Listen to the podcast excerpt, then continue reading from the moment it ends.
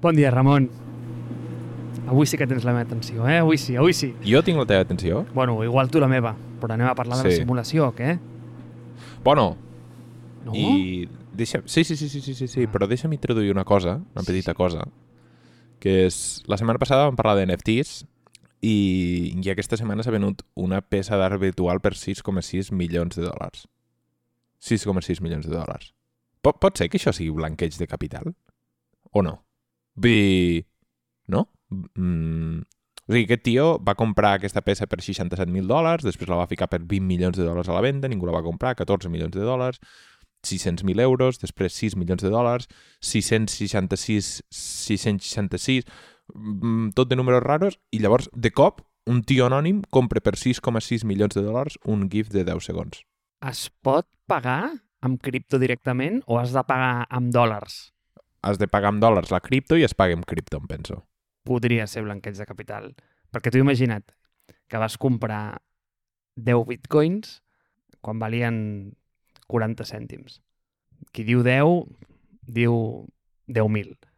I ara agafes i, òbviament, no vols treure aquests diners d'allà perquè quan els retornes hauràs de pagar impostos o taxes sobre aquests guanys, sobre aquests rendiments del capital, i en lloc de fer això, els tires directament en allà de manera anònima i et quedes la, la peça d'art.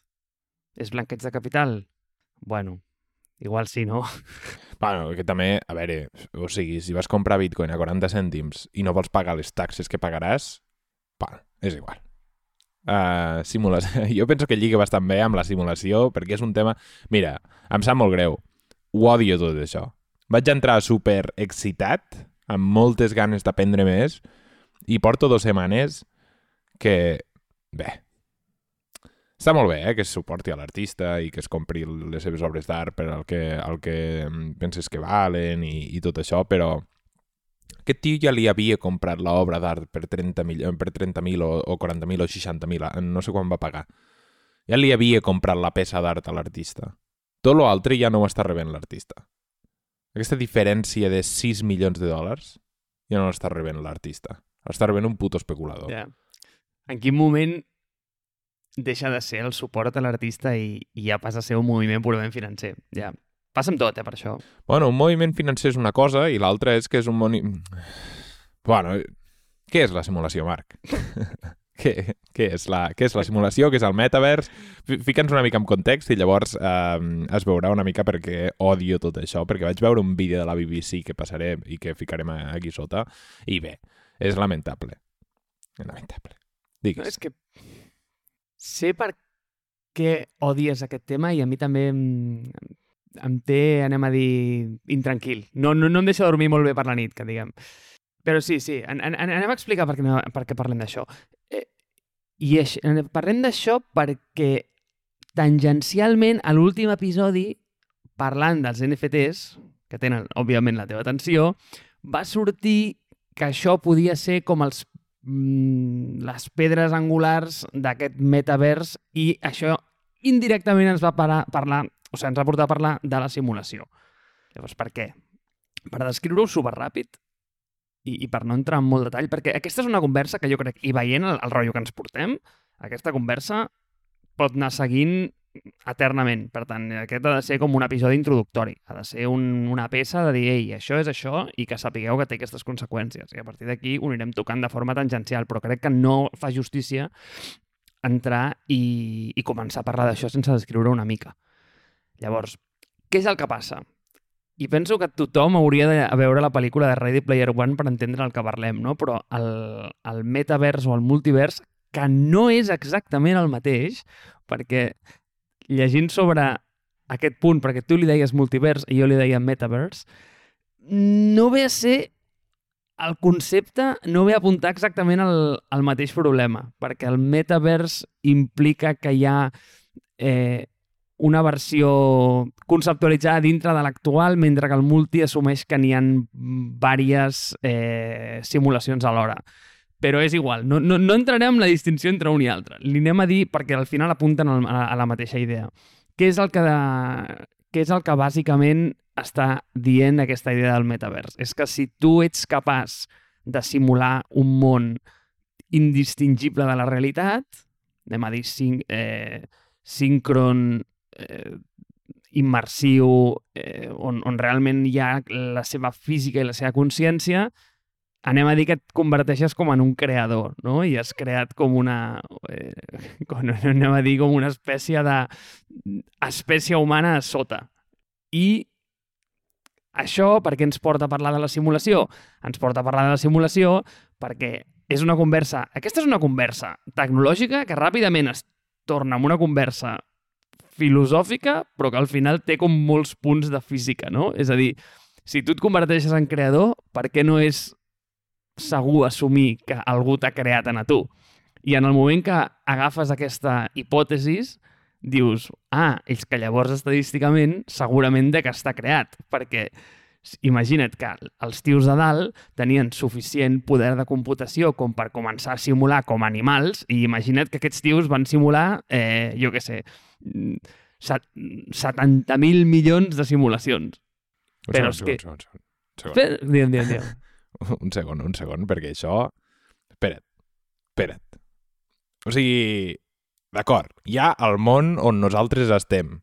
Llavors estem dient que hi ha un, un món eh, no simulat, és, és, no vull entrar on, on, a, amb noms. És a dir, hi ha un món que hi ha empreses que creen i tu pots entrar dins d'aquestes empreses, o sigui, di- dins d'aquests mons i pots viure la teva vida dins d'aquests mons, que això està molt bé.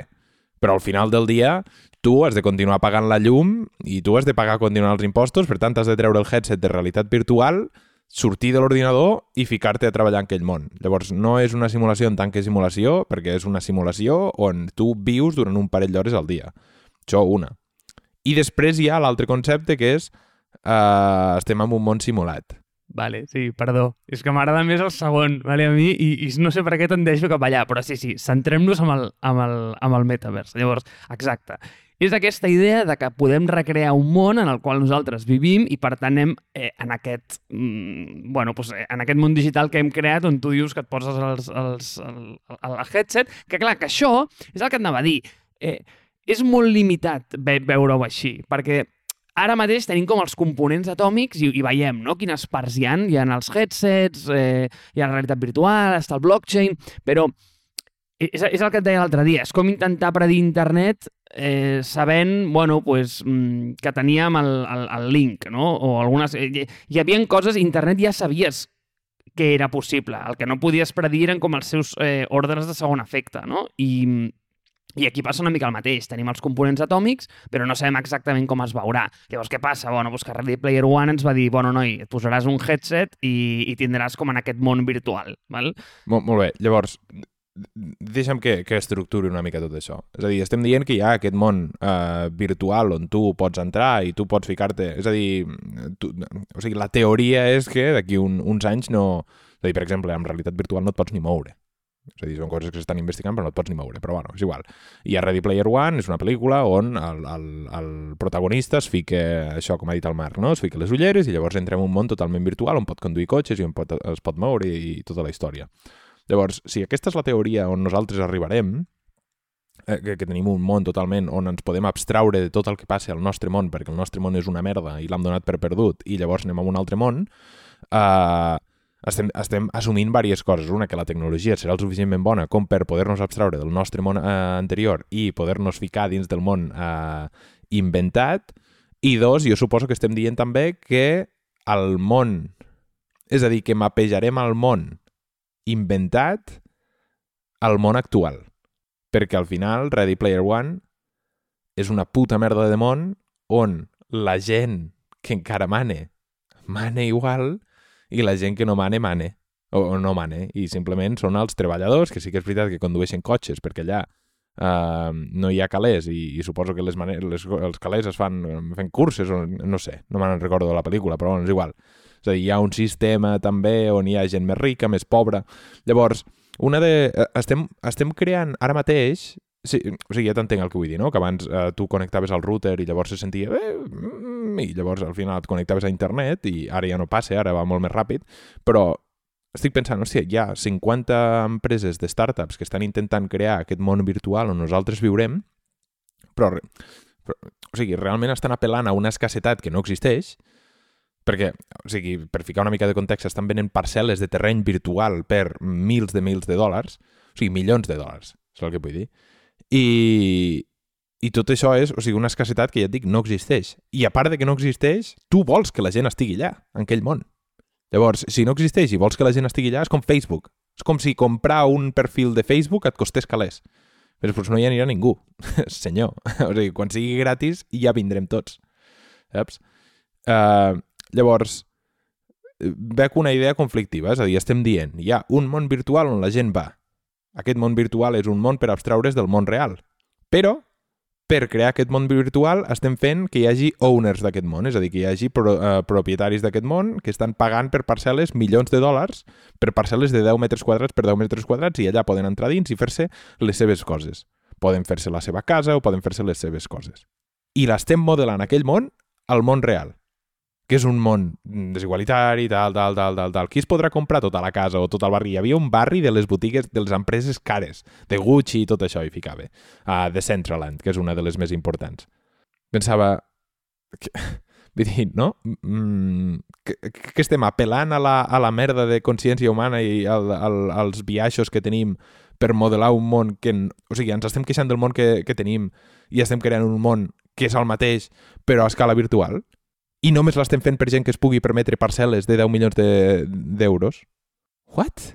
Que m'estic perdent alguna cosa o què? No, però tu estàs modelant un món i, evidentment, el patró que tens, o almenys el sistema que tens en el cap, és el que hi ha en el teu món actual. És a dir, és, és difícil imaginar-te una economia utòpica i modelar-la allà baix quan realment qui està satejant les normes som nosaltres.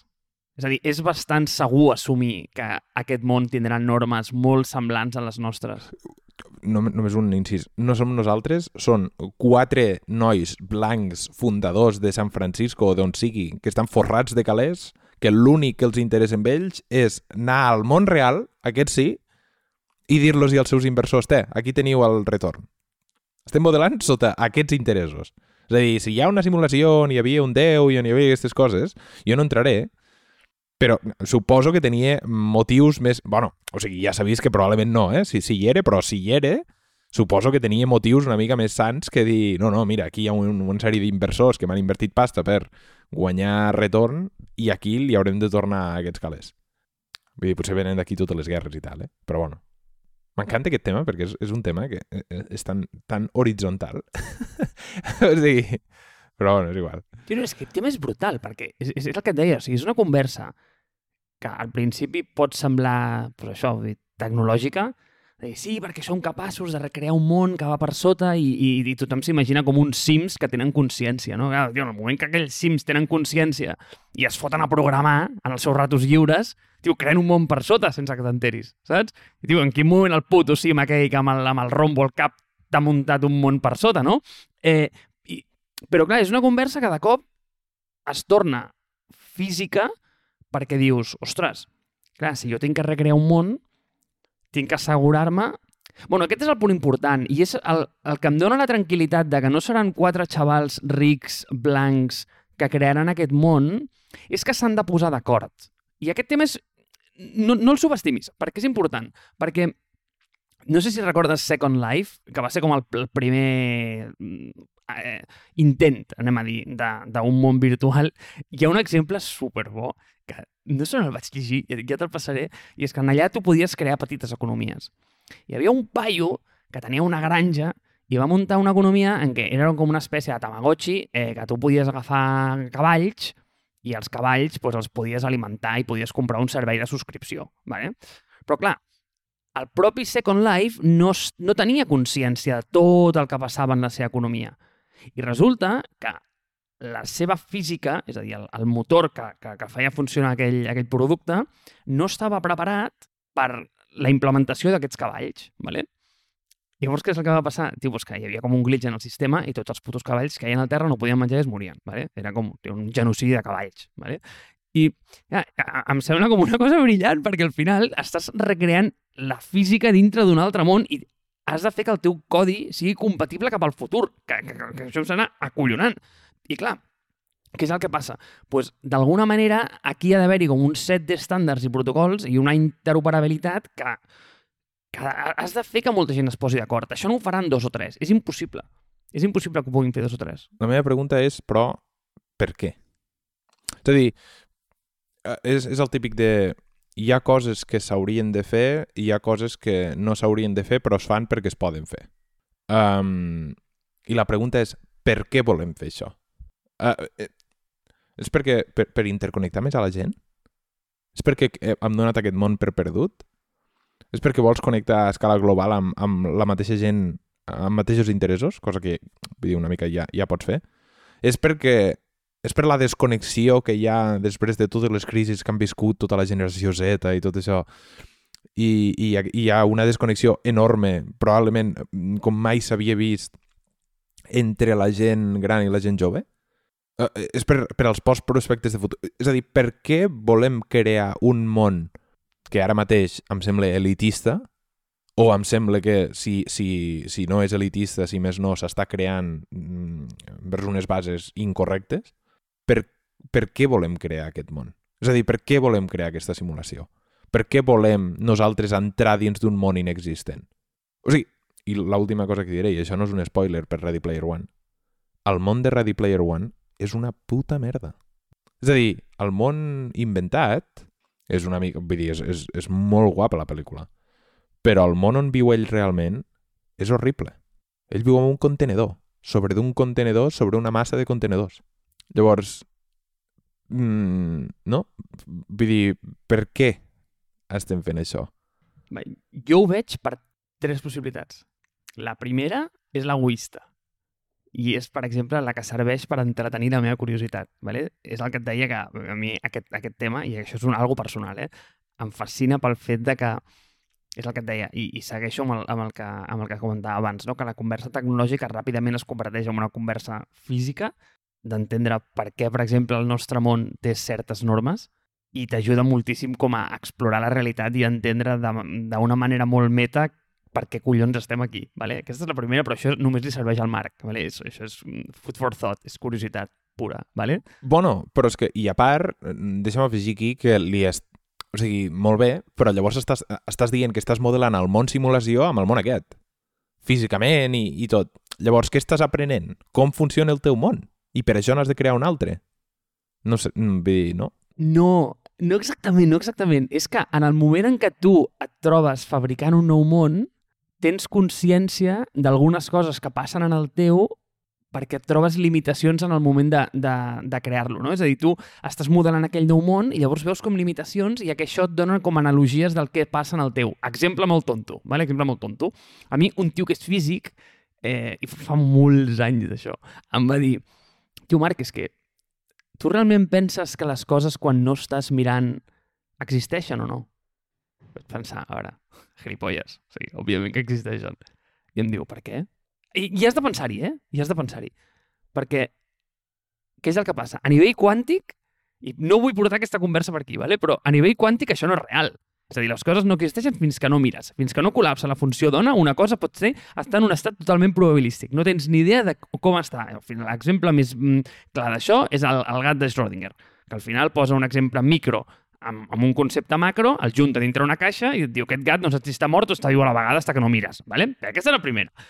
Eh, llavors, clar, tu quan vas a muntar aquest món, dius, ostres, té que estar tota la simulació funcionant a les 24-7, per exemple? Doncs pues, igual no, igual només les parts de que els senyors aquells miren, perquè tens limitació computacional. Però aquest és un tema que de nou, només entretén la curiositat, ¿vale? i es desvia. Per tant, aquest tema el deixem.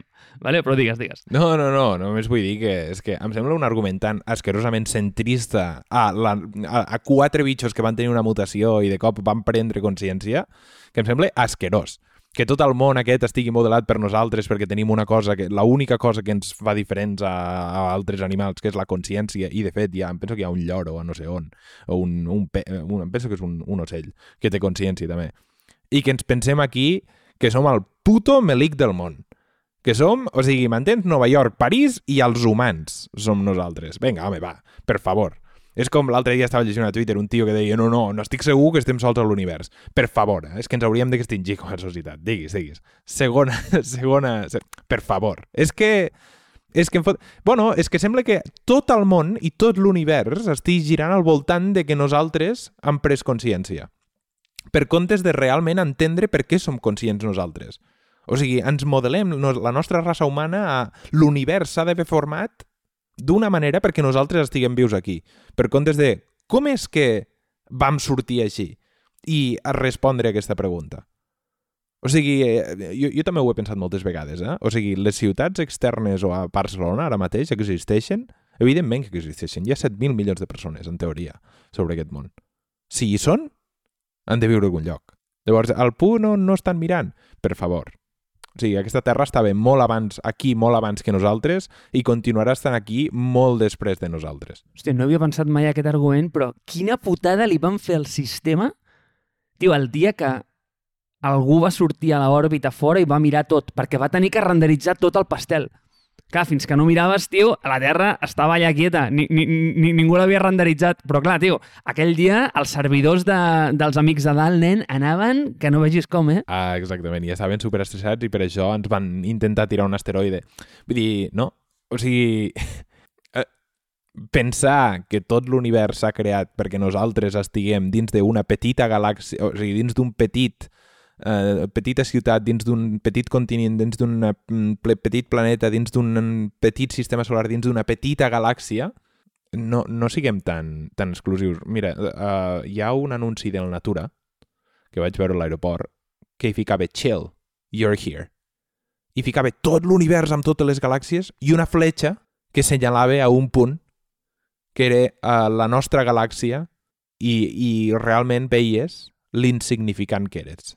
I aquí hi ha quatre teòrics que estan dient que tot això és una simulació perquè nosaltres estiguem en aquell punt d'allà. Hem-nos a preocupar de coses una mica més sèries. Però diguis, perdona, segon punt. Tio Ramon, estic tan convençut que això és una simulació, és que estadísticament no pot ser d'una altra manera. És que crec que el teu argument és l'egoista. Crec que és molt egoista pensar que ets l'únic, eh? És molt egoista pensar que ets l'únic... Però això ho penses tu. No, jo, tot, jo, tot el contrari. Jo no penso... Jo, jo penso que som el producte de diverses mutacions que van anar malament i que hem sortit aquí a la Terra com podríem haver sortit al planeta BIS mm, 2537 eh, de la, de la galàxia uh, astral. Saps el que et vull dir? I probablement hi siguem allà. I hi hagi un altre tipus de ser viu i a Mart potser hi ha un altre tipus i i probablement estem convivint amb altres tipus de sers vius que estan a altres... Gal... No? Vull dir... Mm, rotllo interestel·lar, que hi ha una quarta dimensió i tal. O sigui, trobo que per comptes d'explicar aquesta pregunta estàs agafant tu i estàs dient no, no, aquí hi ha hagut éssers superiors que han creat una merda de simulació aquí i ens han tirat aquí tots com si fóssim uns sims.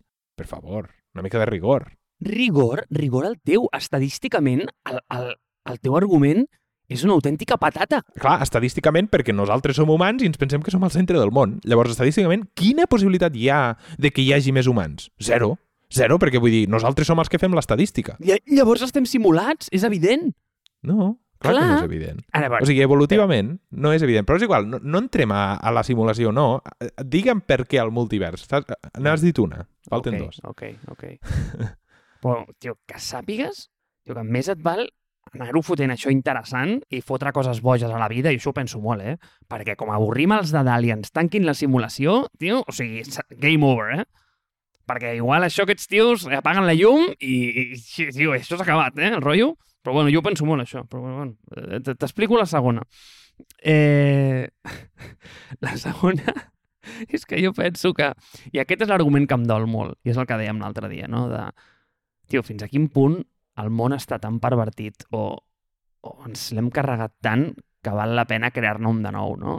I, mira, no sé on ho escoltava, això, però estaven com argumentant el per què tenim que anar a viure a Mart o tenim que anar a viure a Venus o a un altre lloc.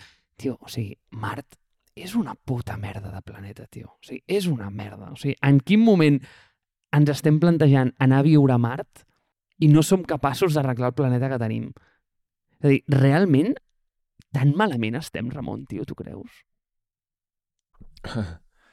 um, no, és que jo, jo sincerament, no, no veig cap argument per anar a viure. És a dir, m'agrada molt pensar en el concepte de, de les reunions no acabades i penso que el, el, el problema que tenim al planeta en general és que tenim una reunió inacabada. És a dir, a Mart passarà el mateix que passa aquí a la Terra. És a dir, hi haurà uns conqueridors de Mart que seran els primers que arribaran, que probablement seran els americans, arribaran allà i colonitzaran Mart. Molt bé, i serà els Estats Units de Mart contra la Terra fantàstic. I aquí no ens ficarem d'acord perquè aquí tindrem mm, els mateixos problemes que tenim, és a dir, el problema macro de eh, Xina, Rússia, Europa i els Estats Units és el mateix problema que dins d'Europa hi ha amb Alemanya, Espanya, Itàlia i Grècia i és el mateix problema que hi ha entre Catalunya, Andalusia, País Basc, Galícia i és el mateix problema que tenim els de mm, mm, Tarragona amb Barcelona, amb Lleida, amb Girona, que és el mateix problema que tenim els de Tàrrega i amb els de Cervera i és el mateix que tenim els barris a la ciutat. Vull dir, al final és la, la societat humana que és, vull dir, no, no solucionarà res Mart igual que no soluciona res sortir o sigui, sí que quan vas a Berlín i trobes una parella de catalans dius, ah, mira, catalans, però penses catalans, però segur que sou de, de Tarragona i tal, tal, tal no? Vull dir és, és, una, és una construcció falsa aquesta de sortirem de Mart i, o, o quan sortim de Mart llavors farem un, un, un, un govern terraqui. No, el govern terraqui el pots començar a construir avui. El que passa és que estàs decidint que no perquè estàs ficant a gent com trama al poder. Però bueno, això és un altre tema. Sí, és que jo no dic que la destinació de recursos sigui exclusiva i que eh, enviar coets a Mars sigui mútuament exclusiu amb, amb intentar salvar el món. Sé que hi ha altres problemes on estem destinant fons que no té cap sentit, però realment tio, veiem aquest món tan malament i tan inarreglable que hem de començar a pensar en inevitar altres planetes, a mi això és el que em té com molt preocupat. És a dir, tio, o sigui, agafa aquests recursos amb lo molt que m'agraden els coets reutilitzables, eh? O sigui, em sembla un concepte fascinant, però, tio, està ok, o sigui, no cal marxar fora. Tio, in intentem arreglar aquest, home, que és maco. És que jo veig Mart i a mi se'm fica... Tio, és que, és que m'entra llàstima perquè em venen aquells renders amb gent que viuen allà dins, amb les escafandres i tal, i penso, home, no ho sé, a mi igual m'agrada més la Costa Brava, saps?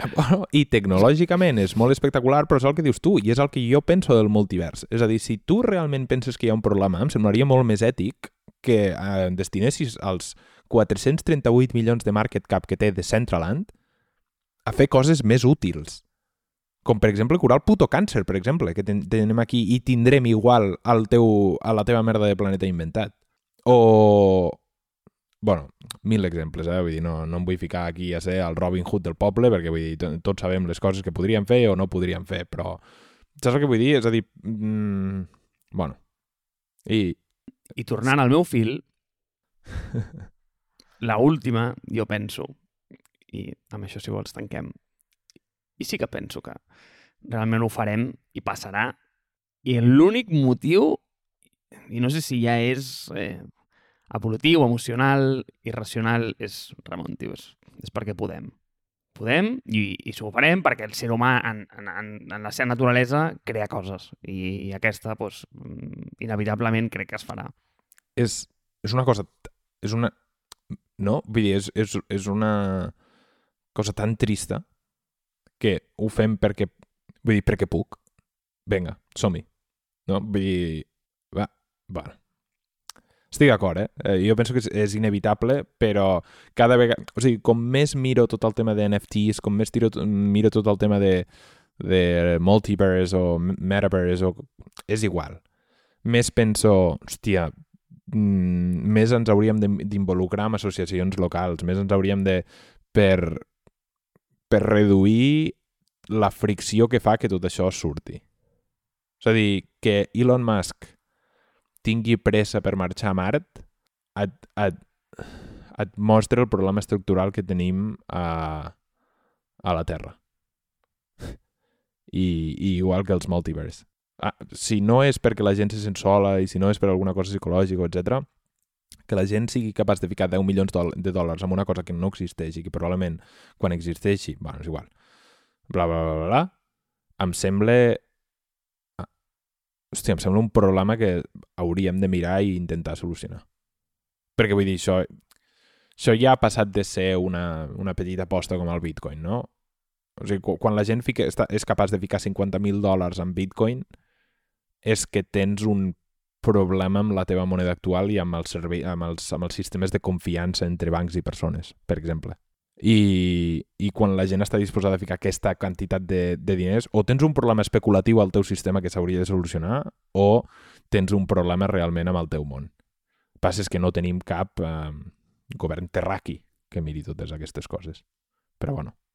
Per això decideixo no, no vull tornar a parlar d'aquest tema, perquè, perquè t'exposa tots els problemes que hi ha. Però bé, Tu, per si de cas, fes-ho interessant i crea coses 3D guapes i tal que tinguin entretingut el tio de dalt. No ho fotis avorrit, perquè ja t'ho dic, eh? O sigui, com ens tanquin, diu, merda, eh? i tant, mira, eh, almenys estem fent safareig.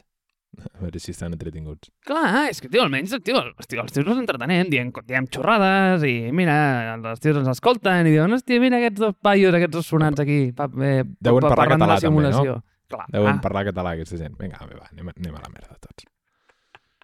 Bueno, una persona molt sàvia sempre ho ha dit, que Déu és català i és del Barça. Fixa-t'hi, totes les manifestacions de l'11S, a- el 10, el 10 de setembre, una pluja, i l'11S, un sol, sempre,